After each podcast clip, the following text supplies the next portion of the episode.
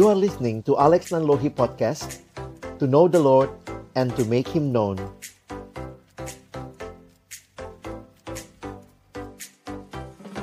Mari kita bersatu di dalam doa. Kami akan membuka firman-Mu ya Tuhan. Bukalah juga hati kami. Jadikanlah hati kami seperti tanah yang baik supaya ketika benih firman Tuhan ditaburkan boleh sungguh-sungguh berakar, bertumbuh, dan juga berbuah nyata di dalam kehidupan kami. Berkati hambamu yang menyampaikan setiap kami yang mendengar, Tuhan tolonglah kami semua. Agar kami bukan hanya menjadi pendengar-pendengar firman yang setia, tapi mampukan kami dengan kuasa dari rohmu yang kudus, kami dimampukan menjadi pelaku-pelaku firman-Mu di dalam kehidupan kami. Bersabdalah ya Tuhan, kami umatmu sedia mendengarnya. Di dalam satu nama yang kudus, nama yang berkuasa, nama Tuhan kami Yesus Kristus. Kami menyerahkan pemberitaan firman-Mu. Amin. Itu perkenalan dari saya. Saya mungkin ada yang bingung gitu ya. Karena saya Nanlohi itu papa saya Ambon. Ya, papa saya orang Ambon asli, mama saya orang Manado, Tionghoa. Jadi seperti ini. Itu nggak kayak zebra ya, hitam putih, hitam putih. Papa saya benar-benar hitam, mama saya benar-benar putih begitu ya. Nah, saya bersyukur boleh bertemu dengan Bapak Ibu sekalian dan pagi ini kita sama-sama akan melihat bagian firman Tuhan dalam tema yang diberikan kepada kita Petrus mengasihi Yesus, ya. Mari kita lihat sama-sama di dalam Injil Yohanes pasal yang ke-21. Yohanes pasal yang ke-21, mari kita akan membaca ayat yang ke-15 sampai dengan ayat yang ke-19. Yohanes 21 ayat 15 sampai dengan ayat yang ke-19. Jika sudah menemukan, kita akan membaca bagian ini bergantian. Saya baca ayat yang ke-15, mohon Bapak Ibu yang membaca ayat yang ke-16, kita bergantian sampai 19. Judul yang diberikan Lembaga Alkitab Indonesia adalah Gembalakanlah Domba-Dombaku. Sesudah sarapan Yesus berkata kepada Simon Petrus, Simon anak Yohanes apakah engkau mengasihi aku lebih daripada mereka ini? Jawab Petrus kepadanya, "Benar Tuhan, engkau tahu bahwa aku mengasihi engkau."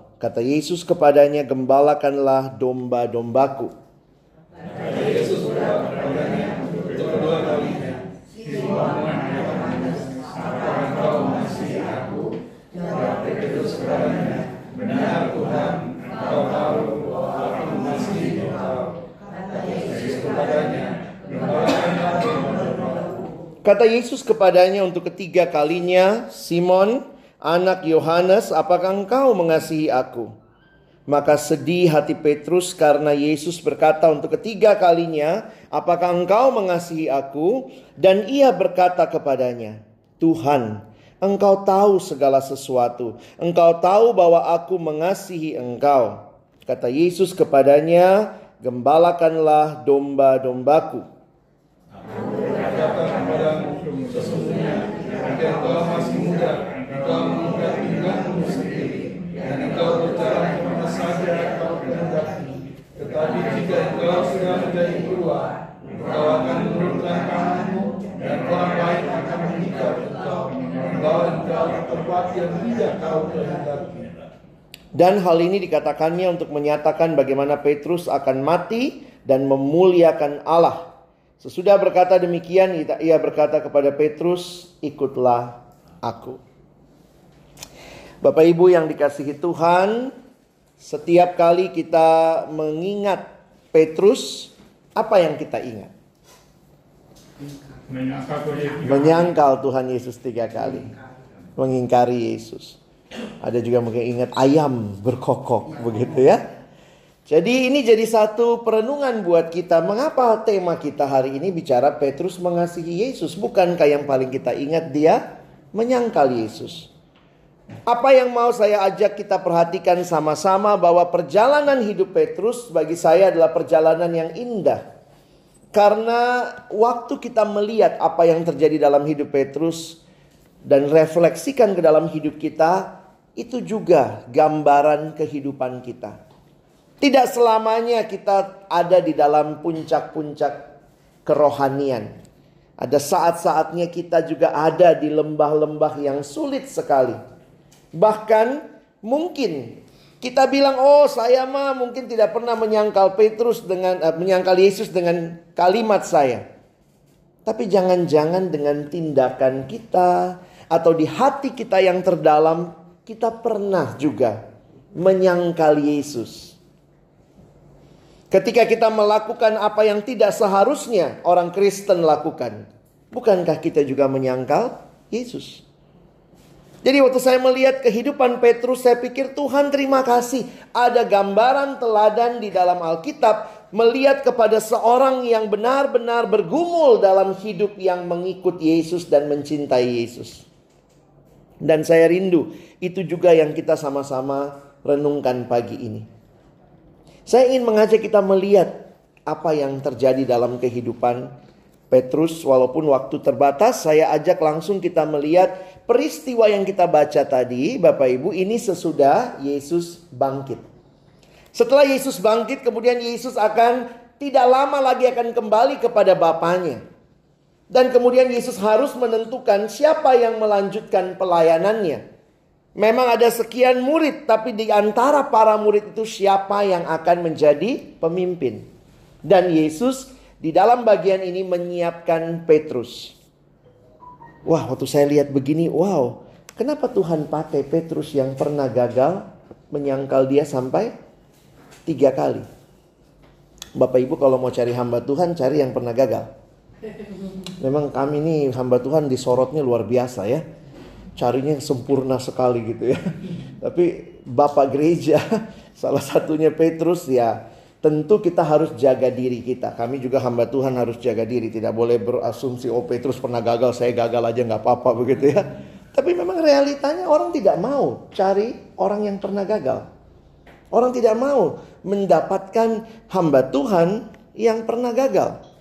Tapi realita yang lebih dalam lagi, setiap manusia, bahkan hamba Tuhan yang juga manusia pernah gagal. Dan di sinilah kita melihat anugerah Tuhan. Kita lihat hidup Petrus, kita lihat hidup Yudas. Kalau kita lihat Yudas, Bapak Ibu mungkin masih ingat, sama-sama punya pengalaman yang menyedihkan. Petrus menyangkal Yesus, Yudas juga menjual Yesus.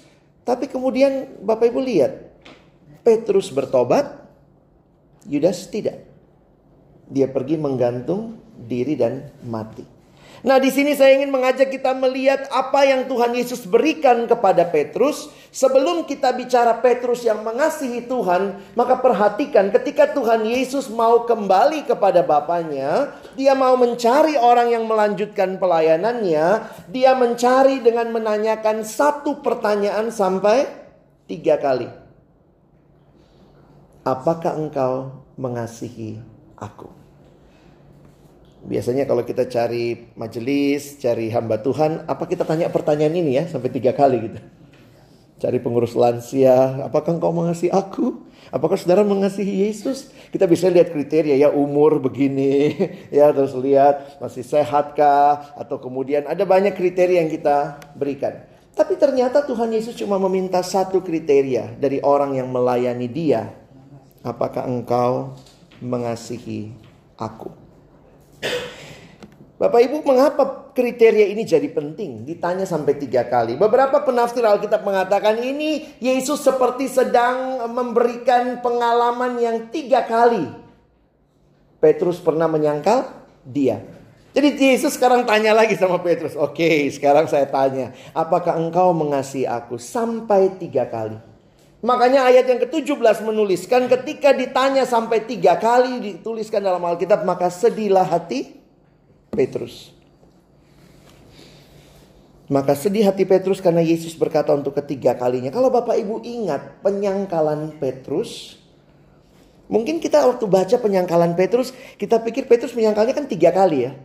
Tapi itu tiga kali yang dipikirkan. Bagi saya itu menarik tuh.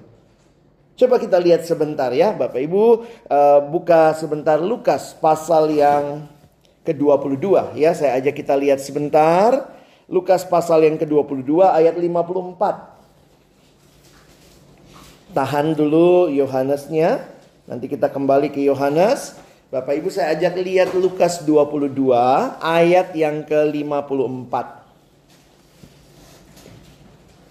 Ini judulnya Petrus menyangkal Yesus. Nah, mari saya mau tunjukkan kepada Bapak Ibu kayak apa sih penyangkalannya Petrus itu? Ya, ayat 54. Lukas 22 ayat 54. Lalu Yesus ditangkap, saya bacakan ya. Lalu Yesus ditangkap dan dibawa dari tempat itu. Ia digiring ke rumah imam besar dan Petrus mengikut dari jauh. Perhatikan ayat 55. Di tengah-tengah halaman rumah itu, orang memasang api dan mereka duduk mengelilinginya.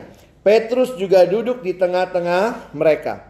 Seorang hamba perempuan melihat dia duduk dekat api, ia mengamat-amatinya lalu berkata, "Juga orang ini bersama-sama dengan dia."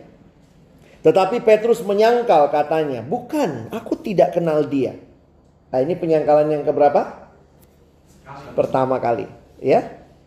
Nah, jadi kalau Bapak Ibu perhatikan ceritanya, habis menyangkal itu kira-kira Petrus pikir apa ya? Ya ampun, kenapa saya menyangkal Yesus ya? Jadi Petrus itu tidak tidak menyangkal tiga kalinya bukan begini. Kau kenal dia ya? Tidak, tidak, tidak. Itu juga tiga kali toh, ya? Bukan begitu penyangkalannya. Habis menyangkal, lalu ada ada jeda waktu. Nah, di situ saya lagi pikir, kira-kira bagaimana ya perasaannya Petrus? Coba Bapak Ibu kalau habis bikin salah, terus aduh, pikir kan, lalu ditanya lagi. Nah, lihat ayat 358. Tidak berapa lama kemudian orang seorang lain melihat dia lalu berkata, Engkau juga seorang dari mereka. Tapi Petrus berkata, bukan, aku tidak. Jadi habis menyangkal itu, jeda lagi waktu. Jadi ini yang saya katakan tadi, Petrus menyangkal dengan sadar. Karena pasti waktu habis dia menyangkal dia pikir lagi.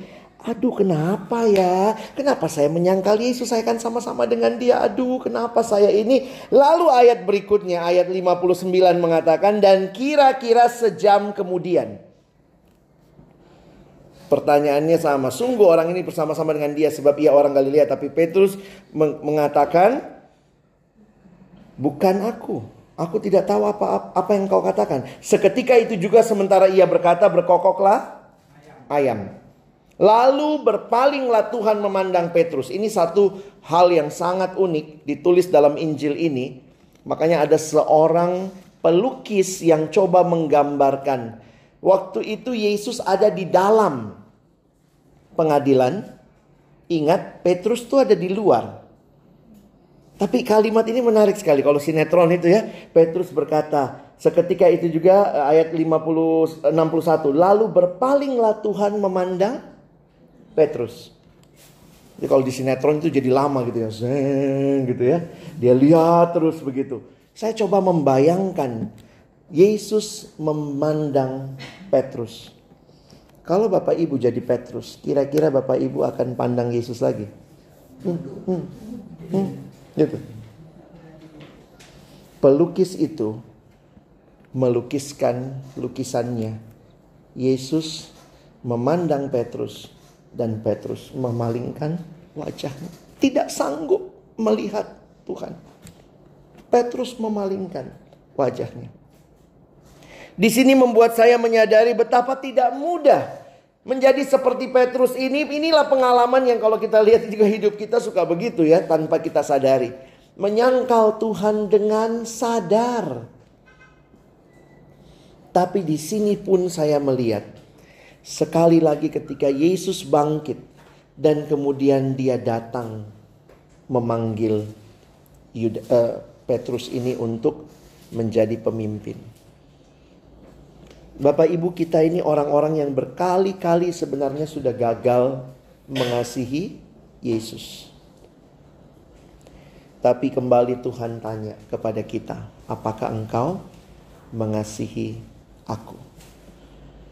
Dan ayat Alkitab yang lain mengatakan bukan kita yang lebih dulu mengasihi Allah, tapi Allah lah yang terlebih dahulu mengasihi kita dan memberikan anaknya bagi kita.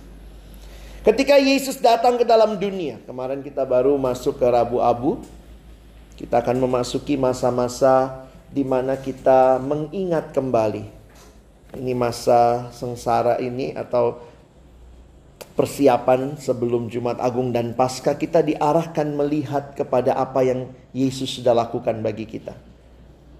Di kayu salib dia menyatakan kasihnya yang besar kepada kita. Yesus bertanya kepada Petrus, apakah engkau mengasihi aku? Dan Petrus berkata, ya Tuhan aku mengasihimu. Nah apakah ini juga jawaban kita? Kita yang sudah melihat karya Kristus di kayu salib yang diberikan bagi kita.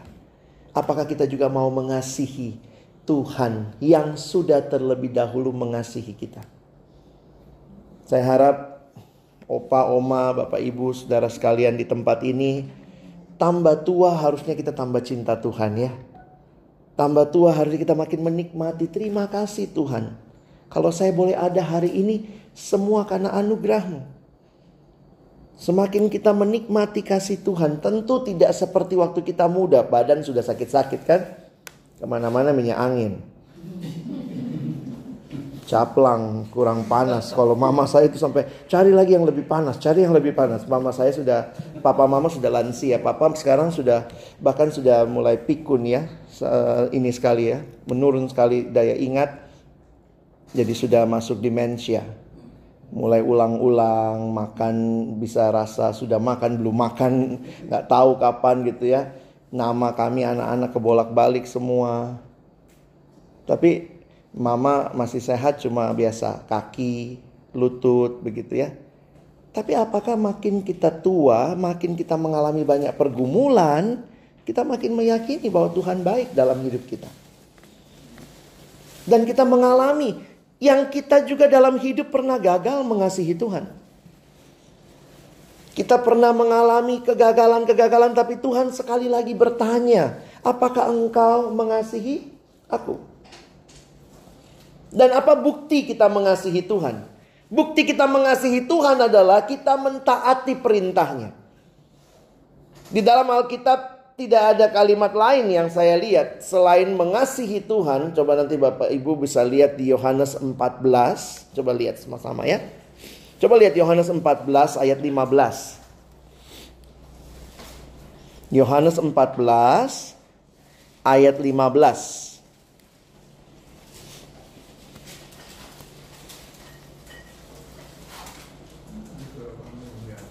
Ya, silakan yang sudah ketemu Pak, boleh dibaca.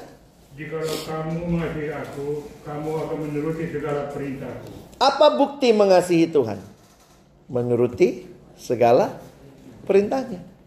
Mengasihi Tuhan bukan seberapa besar foto Yesus di dompet, begitu ya, taruh salib besar di kamar, begitu ya. Tapi apakah kita makin taat kehendak Tuhan? Makin taat kehendak Tuhan berarti kita makin mencari Dia di masa-masa hidup kita. Yohanes 14 ayat 15 tadi ya. Yohanes 14 ayat 15. Kalau kita mengasihi Tuhan, maka kita akan taat perintahnya. Ya. Ada perintah Tuhan suruh tambah tua mesti tambah marah-marah.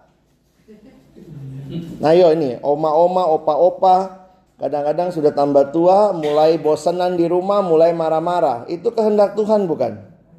Bukan.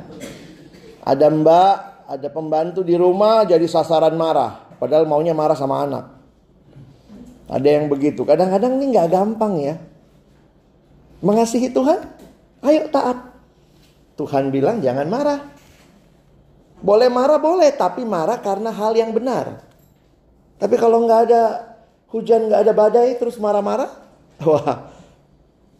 Kadang-kadang ada yang sombong, sudah tua masih sombong. Begitu ya, nggak bisa dibilangin. Orang Belanda bilang kopeh, ya. Susah gitu ya, kepala batu. Saya sorry ya, saya kadang-kadang kan ketemu sama anaknya ya.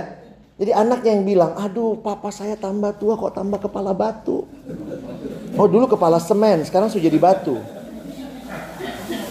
Jangan bapak ibu jangan tambah tua tambah tambah susah gitu ya. Tambah mengasihi Tuhan harusnya makin ikut firman kan.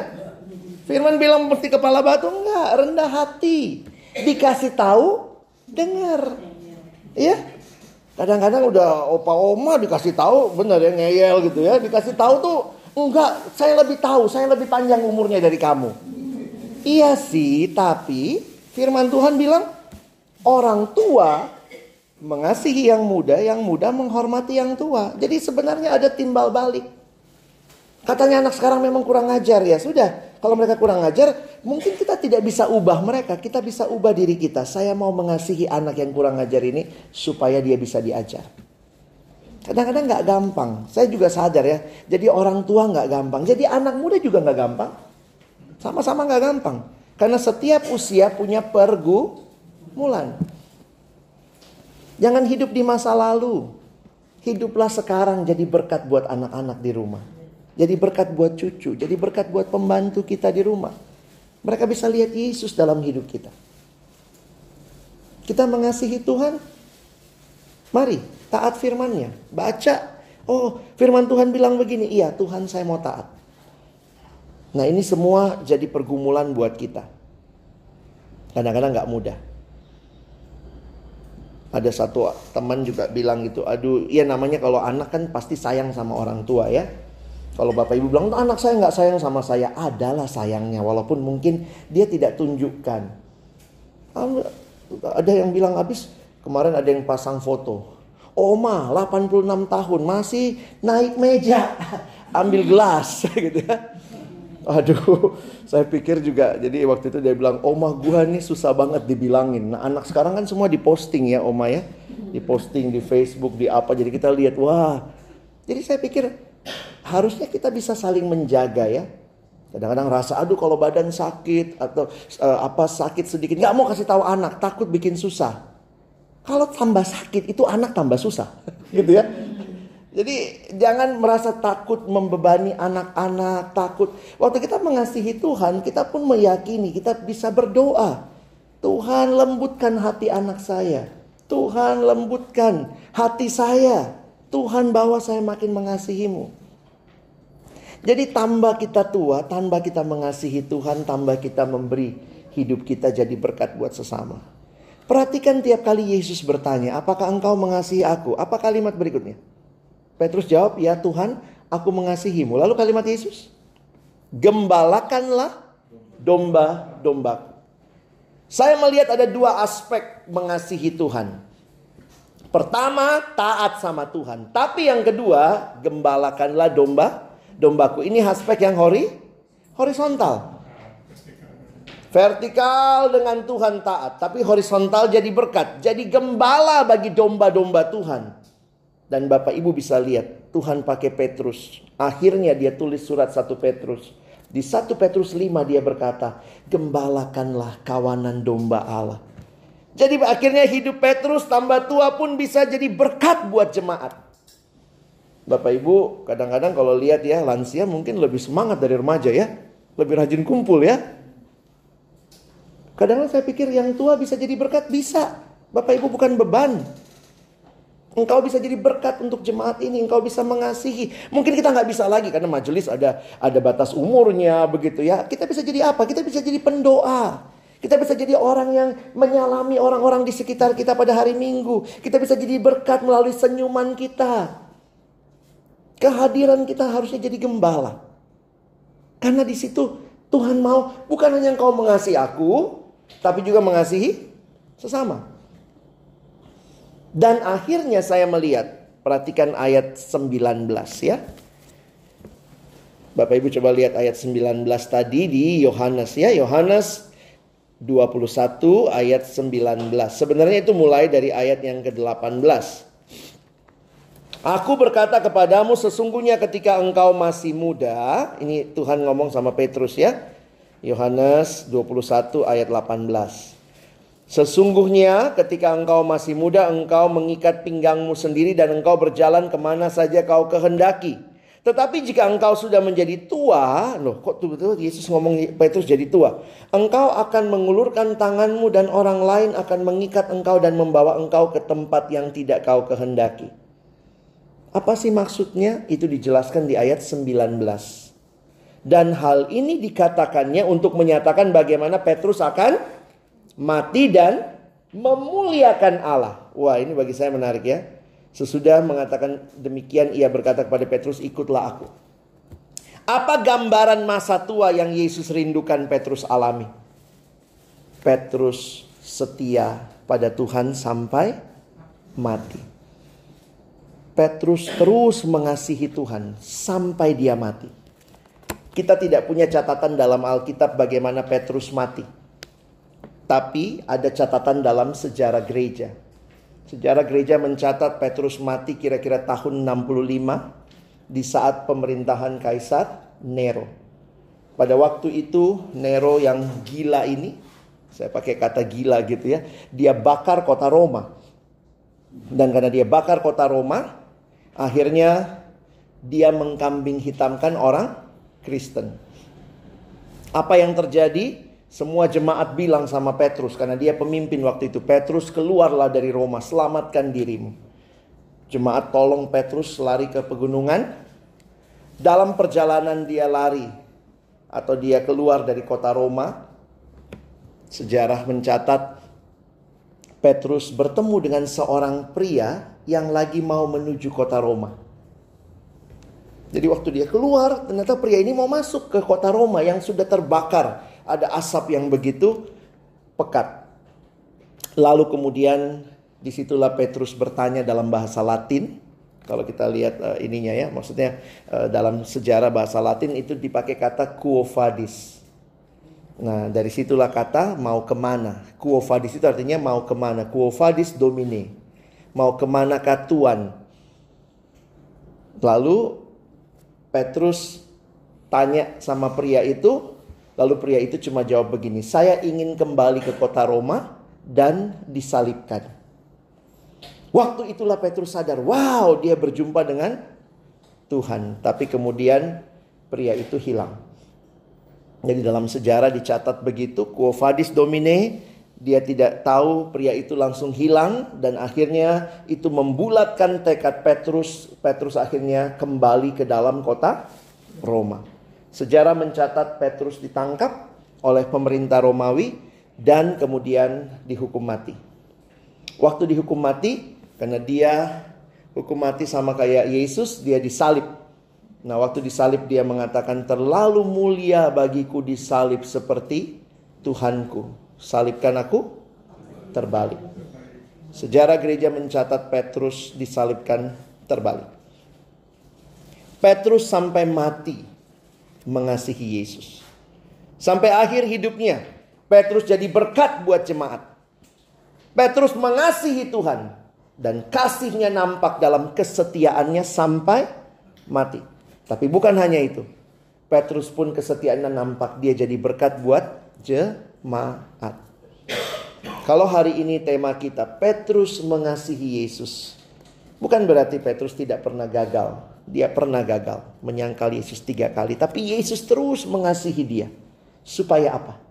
Supaya Petrus yang alami kasih Yesus. Belajar mengasihi Yesus.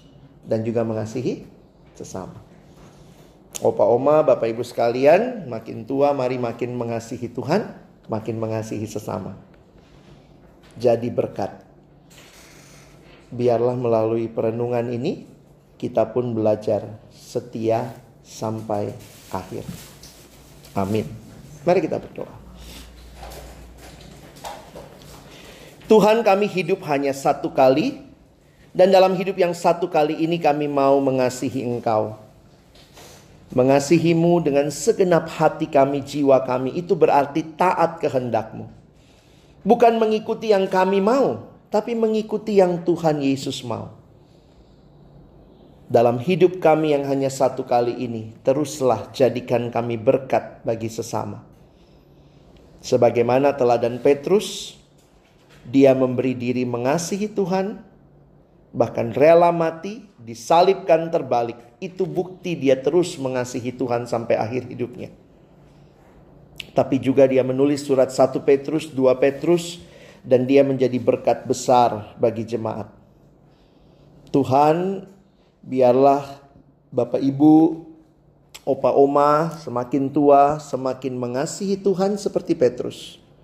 Dan semakin jadi berkat bagi keluarga, anak-anak, cucu, pembantu, supir, siapa saja yang ditemui. Bahkan di dalam gereja Tuhan, dalam masyarakat, biarlah dalam masa tua mungkin sulit pergi ke banyak tempat, tapi bisa dengan doa, bisa dengan kerinduan mengasihi, dengan senyuman boleh terus jadi berkat di tengah-tengah keluarga, gereja, dan masyarakat.